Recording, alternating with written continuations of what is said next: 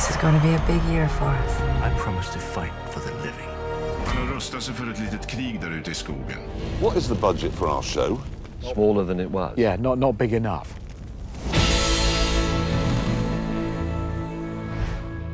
Hej och varmt välkomna igen till Streamingpodden avsnitt nummer sju med mig Jonas Rydholm Birmé och Magnus Svensson. Vi båda jobbar på företaget Ivin Technology. Eh, idag har vi också en gäst med oss eh, som vi vill presentera och det är Erik Hoffman som är en nybliven kollega till oss. Hej Erik! Hej hej!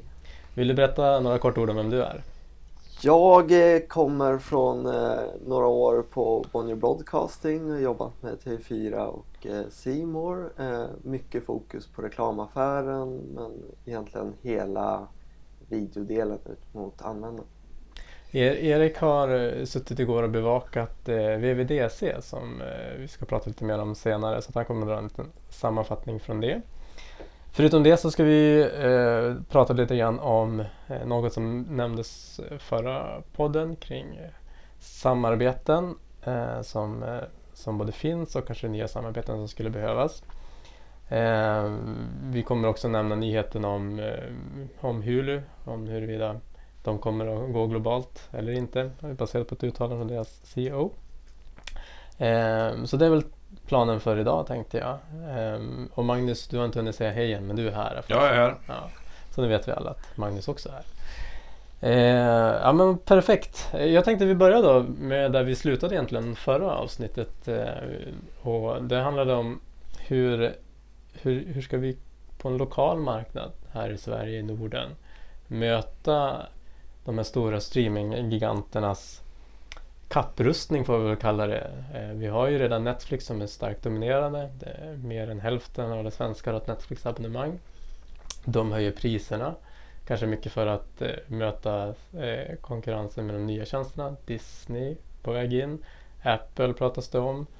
Och eh, det blir ju en fight om, om eh, användarens plånbok. Men också tid och eh, plats på deras hemskärm får man väl säga. Och frågan är ju hur, hur, hur gör man då som lokal spelare här för att möta då den här eh, kapprustning som sker? För det är inte bara på innehåll de tävlar med varandra med stora utan det är även på teknik. De är väldigt långt framme vad det HDR och surroundljud och allt möjligt. Så det är svårt att hänga ikapp där. Och något som vi nämnde, nämnde pratade lite grann kort om det förra avsnittet var ju olika samarbeten. Att kanske behöva tillsammans eh, göra något gemensamt, både kanske tekniskt, eh, kanske även på innehåll, eh, för att just möta det här. Och det finns faktiskt några samarbeten redan påbörjade och igång här i Europa som vi kan nämna. Eh, dels har vi NLC1 som är i Holland. Eh, och det är en konstellation med eh, Talpa TV. Jag känner inte till Talpa TV, någon här som mer känd till dem? Mm. De är med där och sen så RTL, alltså nederländska RTL och NPO som är deras eh, public service då. Eh, som är ett samarbete. De har gått ihop och, och har en eh, gemensam streamingtjänst. Det är klart att säga att det här är tre olika appar du ska installera så blir det i alla fall bara en. Det är i alla fall eh, en mindre. Sen kommer innehållet vara, vara olika. Vi har Britbox som är ett samarbete mellan BBC och ITV. Och sen så har vi, det är väl relativt nytt, eller det hette 7TV förut men nu heter det Join. Som är i Tyskland mellan ProSieben Sat1 och eh, Discovery. Har jag glömt någon, finns det några fler samarbeten vi kommer på här i, i, i Europa? Inte spontant, det finns något i Spanien också som jag nu inte kommer på vad de heter. Men jag tror att Spanien har något motsvarande NL-site. Eh, Hur Okej. stor den är vet jag inte dock. Men jag vet att de har något liknande. Så att det kommer mer och mer och, och som jag nämnt så är det ju framförallt på teknik jag tror att, att uh, distributörer och broadcasters skulle tjäna på att samarbeta. Mm. Som du säger Jonas, även på content kanske, men framförallt tekniken. För jag tror inte det är tekniken, transcoding, eh, teknikstacken som kommer differentiera Nej. respektive konkurrent på den lokala marknaden. Och Nej, ingen användare kommer ju välja en tjänst på grund av att de bara har bra teknikstack utan det är ju content first och Mm. sen good enough teknik. Liksom. Mm. Så att jag tror mycket på att de lokala aktörerna kan gå ihop att, och börja samarbeta runt teknikstacken och en gemensam plattform för att Mm. sedan kunna fokusera mer på sitt eget content och sin egen reklamaffär eller vad det nu må vara. Mm. Och eh, det togs faktiskt upp. Jag var på Northern Waves i, i Oslo förra veckan och där, där var Kanal Digital och Henke Eriksson som tog upp och Mm. bjuder in till dans nu, åtminstone i Norge och i, till viss del Norden. Ja.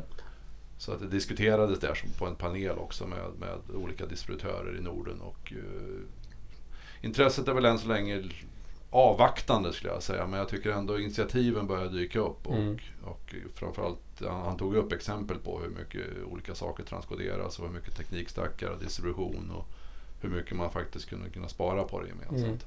Och kollar vi i Sverige så är ju fortfarande operatörerna otroligt starka så det finns ju förmodligen ett motstånd mot att eh, kanalbolagen ska gå ihop och göra, ja, i princip bli en aggregatör fast Mm. utan mellanhanden Mm. ut till kund. Mm. Är det det som vi tror är, hur var den där panelen, vad, vad var känslan från Känslan var att det, det, intresset finns men samtidigt så sitter givetvis ingen på en panel i, på en konferens och, och säger exakt vad de tycker och tänker och vad de interna strategierna är. Jag, Mm. jag tror ju det blir svårt om det kommer från en av leverantörerna. Då måste, jag tror att det måste, man måste hitta någon form av, av tredje part som går in och, och gör teknikstacken eller åtminstone gemensamt ägt eller någonting Mm. sånt. Så att du, du inte lägger dina ägg hos en konkurrents korg. mm. Och jag tror nästan att vi måste hamna i situationen att det finns ett problem att lösa. Det Mm. måste liksom uppstå ett problem innan man vill Mm. lösa problemet. Och idag så, så är vi i alla fall i Sverige ganska få eh, aktörer som är lokala Mm. som fortfarande anser sig själva starka på ja, respektive AVOD och SVOD-delarna. Så jag tror det behövs eh, eh, det behöver bli ett problem innan, innan man vill lösa det. Liksom. Gemensam fiende brukar vara ett problem. Så, Mm. Men jag tror inte riktigt de är där än. Jag tror inte riktigt de ser det stora problemet än. Det kanske dyker upp när Disney kommer och Precis. Amazon kommer Mm. och det rullas ut mer tjänster och tittandet går ner på de lokala aktörerna. Exakt, så Mm. länge antalet användare går uppåt så kommer ju liksom, Mm. så Mm. anser man att sin strategi är den rätta. Jag tror den gemensamma fienden kan vara problemet att lösa om ganska kort. Mm. Men om man tittar på, eh, på, på ens hemskärv egentligen, här i Sverige bara. Du har Netflix som app. Du har SVT Play. Mm. Du har Viaplay. Du har Prime Video, Amazons, även om de inte är så stora. Du har Dplay. Du har TV4 Play. Du har More. Du har Via Free. Du har Eurosport Player. Eh, du har HBO Nordic. Strive, om du tittar på de fotbollsstreamarna. Och sen, ja precis, sen alla de här nisch, eh, nischtjänsterna, Formula One TV till exempel. Och sen så har vi ju då såklart Youtube och iTunes och, och sen så kommer då Disney Plus. Mm. Och sen så kom, hur, hur många, nu pratar vi, vad var det, 12, 13? Eh, det, det i sig måste ju ändå indikera att Alltså, det är bara att titta på, det ryms inte på en sån här eh, sida ens. Du måste ha eh, mappar på din hemskärm om du pratar iPhone. Så jag tror att det är lätt att bara tänka så här att man är, man är stark i sin, egen, i sin egen del så att säga. Men det är just det när du som slår ihop allt det här som sätter sig in i konsumentens eller användarens situation när du sitter där med. Den har ändå 12 till 14 appar som den Det är ju välja ständiga fighten runt vem som tar HDMI 1 ingången, vem som är Prime, vem som är aggregatören. Ja, App-. Apple försöker, operatörerna försöker. Eh, Jag tror att de som inte försöker just nu är de respektive broadcasters. Mm. Självklart. Och de som gör alla de här apparna tycker ju sin egen är bättre. Men det, det är ju många som fightas om att ta aggregationsrollen och ingen har än så länge lyckats. Nej, Nej och, och, och det kan ju vara att eh, även om du kan aggregera allt så blir det ju fortfarande du behöver fortfarande ett nytt abonnemang på ett ytterligare Mm. ställe. Du måste teckna upp. Det är ju det hela den biten också. Det är en tröskel. helt enkelt. Mm. Så att, kan man min, jag tror att ett sånt här samarbete, jag, jag skulle gärna sträcka mig så långt att man kanske ett nordiskt samarbete. Att en app hela Norden.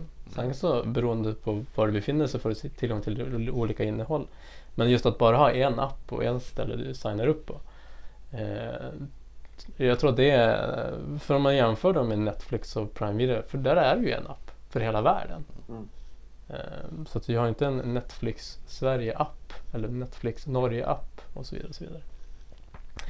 Ja, nej men det där får vi väl eh, hålla koll på. Men, Men jag tror eh, det, jag håller med dig, det finns mycket att vinna här för eh, respektive lokal aktör. Att, Ja. att gemensamt gå ihop, förenkla för användaren, spara pengar på teknikstacken, fokusera på deras prime business som är Mm. content eller annonsaffären istället Mm. för att kriga om vem som kan transkoda bäst eller vem som gör coolast app. Mm. Nej, men jag, tror, och jag tror också just att visst, teknik, att du kan spara in på det, det, det, det, det är en väldigt stor positiv sidoeffekt.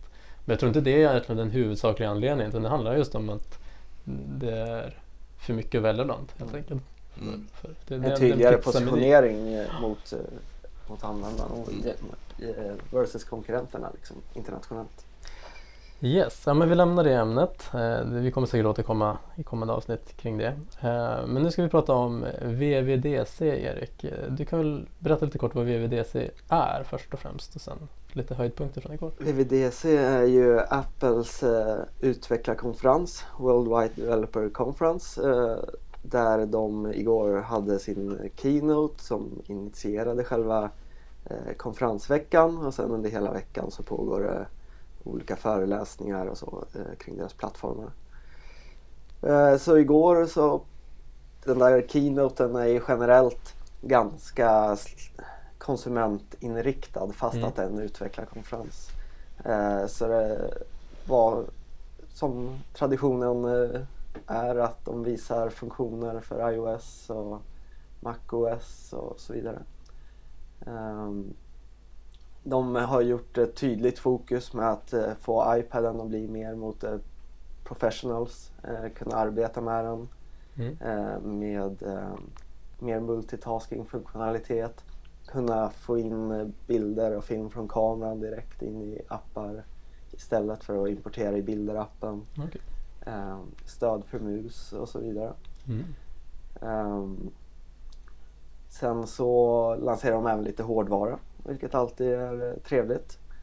Ehm, och där är väl den tydligaste um, flörten mot professionella användare i vår bransch kanske nya Mac Pro eh, Mm. som, där de återgått till att ha modulbaserat. Okej. Ehm, Så du kan byta ut hårddisken? man kan byta ut hårddisken. Wow. Eh, häftiga funktioner här. Ja. Ehm, och även ett eh, accelerationskort eh, då med tydligt fokus mot video där de marknadsför det med att kunna eh, spela upp tre stycken 8K-videos samtidigt eller 12 stycken 4K-videos Ja. i råformat. Liksom. Ehm, och därmed till den även en skärm eh, Mm. som, där de liksom eh, nischar sig väldigt tydligt mot professionella användare. Mm. Ehm, Den eh, ligger på en bas på 1000 nits eh, där den kan gå upp mot 1600 nits. Oj. Ehm, och eh, en miljon till ett i kontrast så det är ju liksom förbi HDR och Mm. upp i vad Apple då vill kalla Extreme Dynamic Range. Okej, såklart.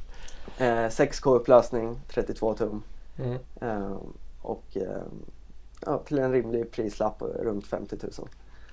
Men det ska man väl jämföra med då en referensmonitor kostar. De ligger väl kring säkert 100 Precis, den här skärmen är ju eh, ganska långt från normala konsumenter utan väldigt nischad mot professionellt användare. Eh, Men samtidigt om man, menar det är ju bara att tänka på den här eh, Steve Robertson på, från Youtube på Streaming Tech förra året som pratade om just De håller ju på med Youtube har ju user generated content och det, det intressanta här är ju såklart att jag menar, du kan ju köpa ganska mycket kamerautrustning till konsumentpris, typ drönare, GoPro-kameror och så vidare som kan filma RAW eller HDR. Mm. Eh, men det man kanske glömmer bort i det sammanhanget är att du har ingenstans att titta på hur det faktiskt kommer att se ut.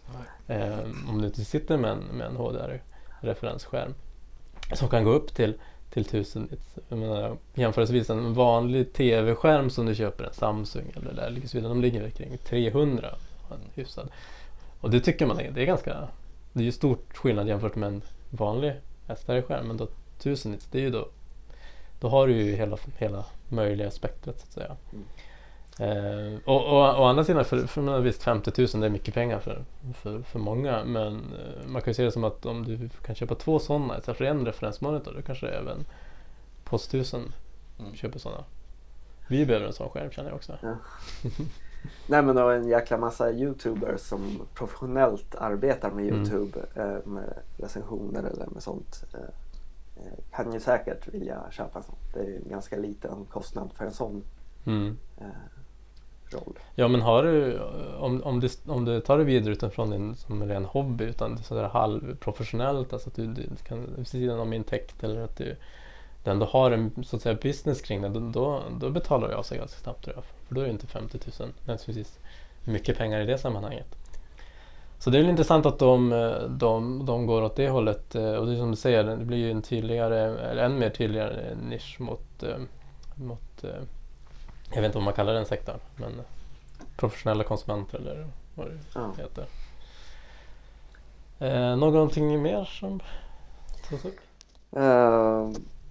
Nej, det är ju mycket som, eh, som kommer dras här i veckan som man eh, märker av redan. Det vi ska prata om sen low latency Mm. HLS ju, har ju redan kommit ut. Liksom. Okej. Eh, men under hela veckan så har man ju föreläsningar och ehm, Workshops och workshops labbar. och hela och, köret. Mm. Så det är ju då de eh, mer tekniska delarna brukar komma fram. Just det. Ja. Men vi har kikat på den här, ja, en, en, en nyhet som nämndes det var att eh, Apple eh, har tagit fram en preliminär spes, får man säga, kring low latency i HLS som är väl Apples HTTP-standard eh, för streaming. Eh, och varför är det här intressant? Jo, man det, det som har gjorts tidigare på, på low latency-fronten vad gäller standardisering, det har ju varit fokuserat kring MPEG Dash, vilket eh, många alltså webbspelare har haft stöd för. Eh, jag är osäker om, om det har funnits stöd på på Android så, men, men, men i alla fall MPEG Dash-spelare har ju kunnat, kunnat spela det. Det som saknas då i den här pusselbiten för att kunna nå, nå alla, det har ju varit Apple. Så det är stort på det sättet att de faktiskt också anammar, de är ju kanske inte alltid först, eh, men de är ju ganska stora så att när de väl går den vägen då är det som om en, en catch-up-effekt tror jag. Eh, men eh, jag kikade lite grann på den här preliminära spesen. Eh, vad är ditt intryck Magnus? Ja, för det första var det ganska väntat att de skulle komma med det. Det som, det som jag tyckte var mest oväntat var att jag tycker faktiskt spontant, jag har bara tittat på det lite snabbt i, nu igår kväll och i morse. Verkar den ganska komplicerad jämfört med vad, vad Dash och eh, Low Latency Chunks har gjort tidigare. Mm. Dels baseras den på HTTP 2 och inte på HTTP 1.1 Chunk Transfer Encoding. Mm. Jag tror att spridningen av HTTP2 kommer vara sämre till en början. Och Mm. eh, det verkar som att den är mer, jag har inte tittat på detaljerna här, men den verkar mer eh, signaleringstung, HTTP2s push. Okej. Och en, eh, mot vad Chunk Transfer Encoding är HTTP 1.1. Å andra sidan kommer sakta men säkert Low Latency Chunks på Dash även också behöva gå mot HTTP2 Mm. i och med att sakta men säkert går vi ditåt. Mm. Ja, Jag måste penetrera den mer men jag tycker ändå att de verkar ha gjort ett ganska intressant jobb vad det gäller flexibiliteten i low latency. Du kan publicera, du kan segmentera eller du kan, du kan chunka upp ett segment Mm. och du kan eh, li- ligga runt, eh, tuna mer vart du ligger runt live edgen och, och sådana saker. Så Mm. att, inte helt oväntat är den lik men faktiskt oväntat är den lite, jag- jag, tycker den spontant verkar lite mer komplicerad än Ja. vad Dash har gjort det tidigare. Men han kanske tänker sig att det ska vara, för det har väl varit en av kanske HLS både styrka men även svaghet att den har varit lite begränsad i, så att säga framtidstänk då. Eh, och då kan man väl kanske tänka sig att MPEG Dash har gått åt andra hållet då, mer lite, tänkt väldigt mycket kring, kring att vara framtidssäkert. Men det kanske är mer åt den riktningen. Men, men, men, men, Ja, Jag tror att eh, HLS när de väl kom nu så kände de väl att de var tvungna att ta ett litet steg framåt och inte göra en metoo. mm, JB Player har ju på något vis halvstandardiserat low latency HLS tidigare. ja. Hur lik är den då? Eh, Den, var, den, den skiljer sig en hel del. Ja. Low latency HLS från JB Player är mer likt low latency Dash Chunks. Ja, okej. Väldigt likt skulle jag säga. De har gjort lite extra proprietary extensions till, till eh, manifest. eh, Mm. Vissa likheter fanns när, när Apple kom med sin variant av det nu men det var, skilde sig också en hel del. Så att jag tror att det är många nu som sitter och jämför skillnaderna Ja, och Mm. ser hur, det, som, hur man ska applicera det här. Den är ju relativt ny och än så länge bara preliminär. precis. Och sen så kommer det ju, jag menar, nu, det här är en preliminär spes så den kommer säkert diskuteras och blöt, stötas och blötas i communityt några vänder. Eh, och, och då sen kommer det att bli en draft och sen så och när det väl har blivit en draft, det brukar oftast vara draft som blir det. Draft i det här fallet är oftast ganska fa- fast. Jag tror att det var bara några år sedan som HLS eh, blev eh, en icke-draft så att säga. Och eh, nej, men då, dels behöver ju det ske och då, då kommer ju såklart Apple implementeras eh, ut efter den specen i sin AV Foundation, Audio Video Players och allt det där. Eh, men sen så behöver vi ju, det är väl någonting som Apple inte själva gör så mycket, själva enkoderingssidan. Eh, behöver jag Mm. ha stöd för det här. Eh, så det kommer ju nog ta, det kommer ju ändå ta ett tag innan det här blir en standardisering på marknaden. tror jag. Det känns ju ändå som den sidan följer. Liksom, när Apple väl har gjort en implementering så är det den specen som gäller och Mm. inte vad specen på pappret säger i Nej, praktiken. Precis, och det, är ju, det, det blir väl intressant att se här under veckan då hur långt, om det finns en, en beta eller någon developer-version av AV-player som man faktiskt kan, kan börja testa med. I- i- Min gissning är att det gör det, annars eh, Mm. så har de ju de lanserar ju inte en pappersprodukt så. Jag utgår från att det ingår i iOS 13 och det som Ja. Mm. eh, kom som beta igår och Ja. släpps i höst. Och då, ja, kanske om någon är snabb och inte tar någon semester så kan någon leverantör lever, leverera någonting till IBC. Mm. Nej, det, det, det tror jag vi kommer kunna få se. Det är som, ju- jag måste faktiskt dubbelkolla och titta lite på hur utbrett HTTP2 är på CDN och sådana saker. Mm. Cache-servrar och sådana saker. Hur, hur förberedd är hur förberedd är marknaden för att ta emot Mm. den här som ändå tog ett litet steg i framtiden. Ja. Mm. Ja, men jag tror ändå det är rätt bra. Eh, Senaste året har HTTP2 tagit eh, rätt stor marknad Ja. som, som för två, tre år sedan var helt eh, ja, i princip en pappersprodukt. Där. Ja. Men, men, det har, men det betyder att man har inte gått quick-spåret då? Eh, Det, det finns ju en passus någonstans i specen att de, är in, de har quick i framtiden. Men hur, men hur exakt, eh, det framgick väldigt luddigt. Mm. Ska se om jag kan hitta formuleringen. Mm. Ja, nej men, eh, men det, som sagt var, det, det, blir, det är ju en ytterligare aspekt på det hela att, att, att CDN. Men det är, för, för en CDN-leverantör så tänker jag mig att man ändå legat ganska långt framme. De skriver så här. TCP is recommended and there is no commitment to support quick in the first release. Mm. Men jag tycker ändå att, eh, att man nämner det gör ju att man Exakt. eh, De har öppnat. visar att det är intresse Mm. för framtiden. Liksom. De har öppnat för det men de har ändå lagt en liten brasklapp. Ja, De svarar utan att någon har frågat. ja, det, det är väl kanske en fråga från Google när den kommer. Ja. Eh, ja men bra. Ja men det var väl, det rundar väl av det. Eh, det kommer säkert som sagt vara mer detaljer under veckan kring de här sakerna. Eh, men det är ju det är roligt att Apple också hoppar på low latency. Eh, att vi kanske om något år eller två har en, det är mer standard kring 5-6 sekunder än Ja, 35. nej, jag tror att vi, vi närmar oss det på, på alla fronter nu. Så att, att, vi, att vi under, om ett par år kommer ligga un, sub under 10 Mm. på streaming ser jag inga större hinder för. Nej. Bra, men då jag tänkte att vi avslutar lite snabbt med, eh, det var väl ett uttalande från Hulu? Ja, från Disneys CEO Disneys CEO. egentligen att eh, Hulu eh, ämnar gå internationellt över tid. Mm. Eh, och det är ju egentligen inte jättekonstigt eftersom Disney har varit rätt tydliga med att eh, deras egna tjänst som lanseras i höst, Disney Plus, Mm. eh, kommer vara en familjeprodukt Ja. eh, där våld och dylikt inte hör hemma. Utan det kommer hamna på Hulu som redan idag inte är reglerat Ja. på något sätt. så.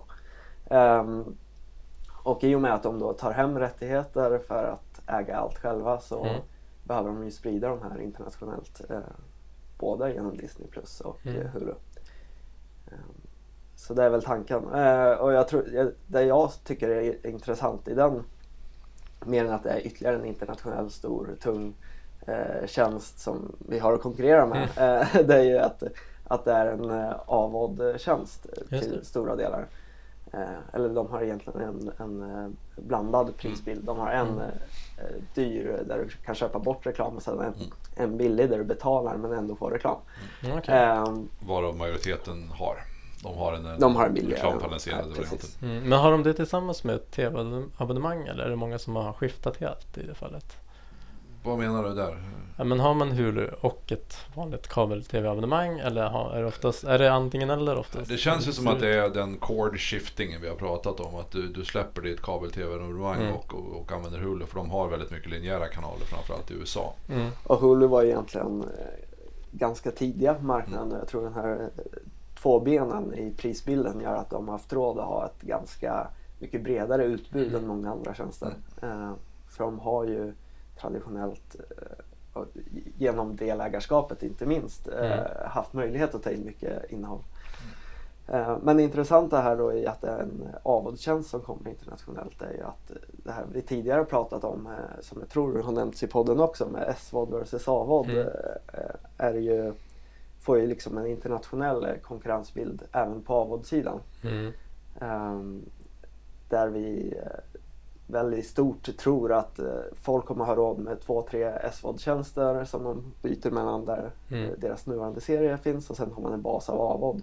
Och så kommer Hulu in där mitt emellan och, och Mm. konkurrerar mot båda håll så att säga med billigare prisbild eh, men även mot eh, avod och annonsköparna således. Mm. Men- Intressant men- att se om de även kommer lansera linjära kanaler i form av skinny bundle som de gör i USA också. Mm. Eller om de bara kommer hålla sig på avod-sidan internationellt. Det, Ja men där tänker jag men det, det måste ju vara den stora utmaningen om de ska gå internationellt. Eh, det är ju att hitta de där marknaderna där de har, kan ta det innehållet. Då. För Mm. Jag tänker mig att, komma som ytterligare en operatör inom citationstecken här i Sverige. Det måste ju vara ganska svårt. För, för jag tänker mig att de kommer ju konkurrera på samma sätt som, som, som vilken operatör som helst kring, kring kanalen. Och, Mm. Eh, det beror ju såklart på vilken kassa de har. Om de, om de kan köpa skinny eller rättigheter, det kommer ju vara ganska dyrt eh, kan man ju misstänka. Eftersom antagligen är det det anledningen att inte, varför inte det finns så att säga. Eh, eller att kanalbolagen inte eh, vill det heller strategiskt. Så det blir väl eh, det blir intressant men, men precis som du är inne på Erik just att vi får en ytterligare annonsaffärskonkurrent. Tidigare så, så har det kanske varit Youtube som var den stora. Eh, och de är inte små för den delen. Så det blir ju det blir allt trångare på alla marknader här framöver. jupp. Spännande, spännande. Men eh, då tänker jag att vi avrundar dagens podd. Eh, och eh, som vanligt tackar alla som lyssnat och tack Erik som gästade podden idag. Eh, och eh, vi får väl höras igen i nästa avsnitt. Ja. Tack så ni ha. Hej då. Ni har lyssnat på Streamingpodden. En podcast för dig som är intresserad av streamingteknik och nyheter i området. Programmet produceras av Ivin Technology, leverantörsoberoende specialister inom videoteknik och mediedistribution.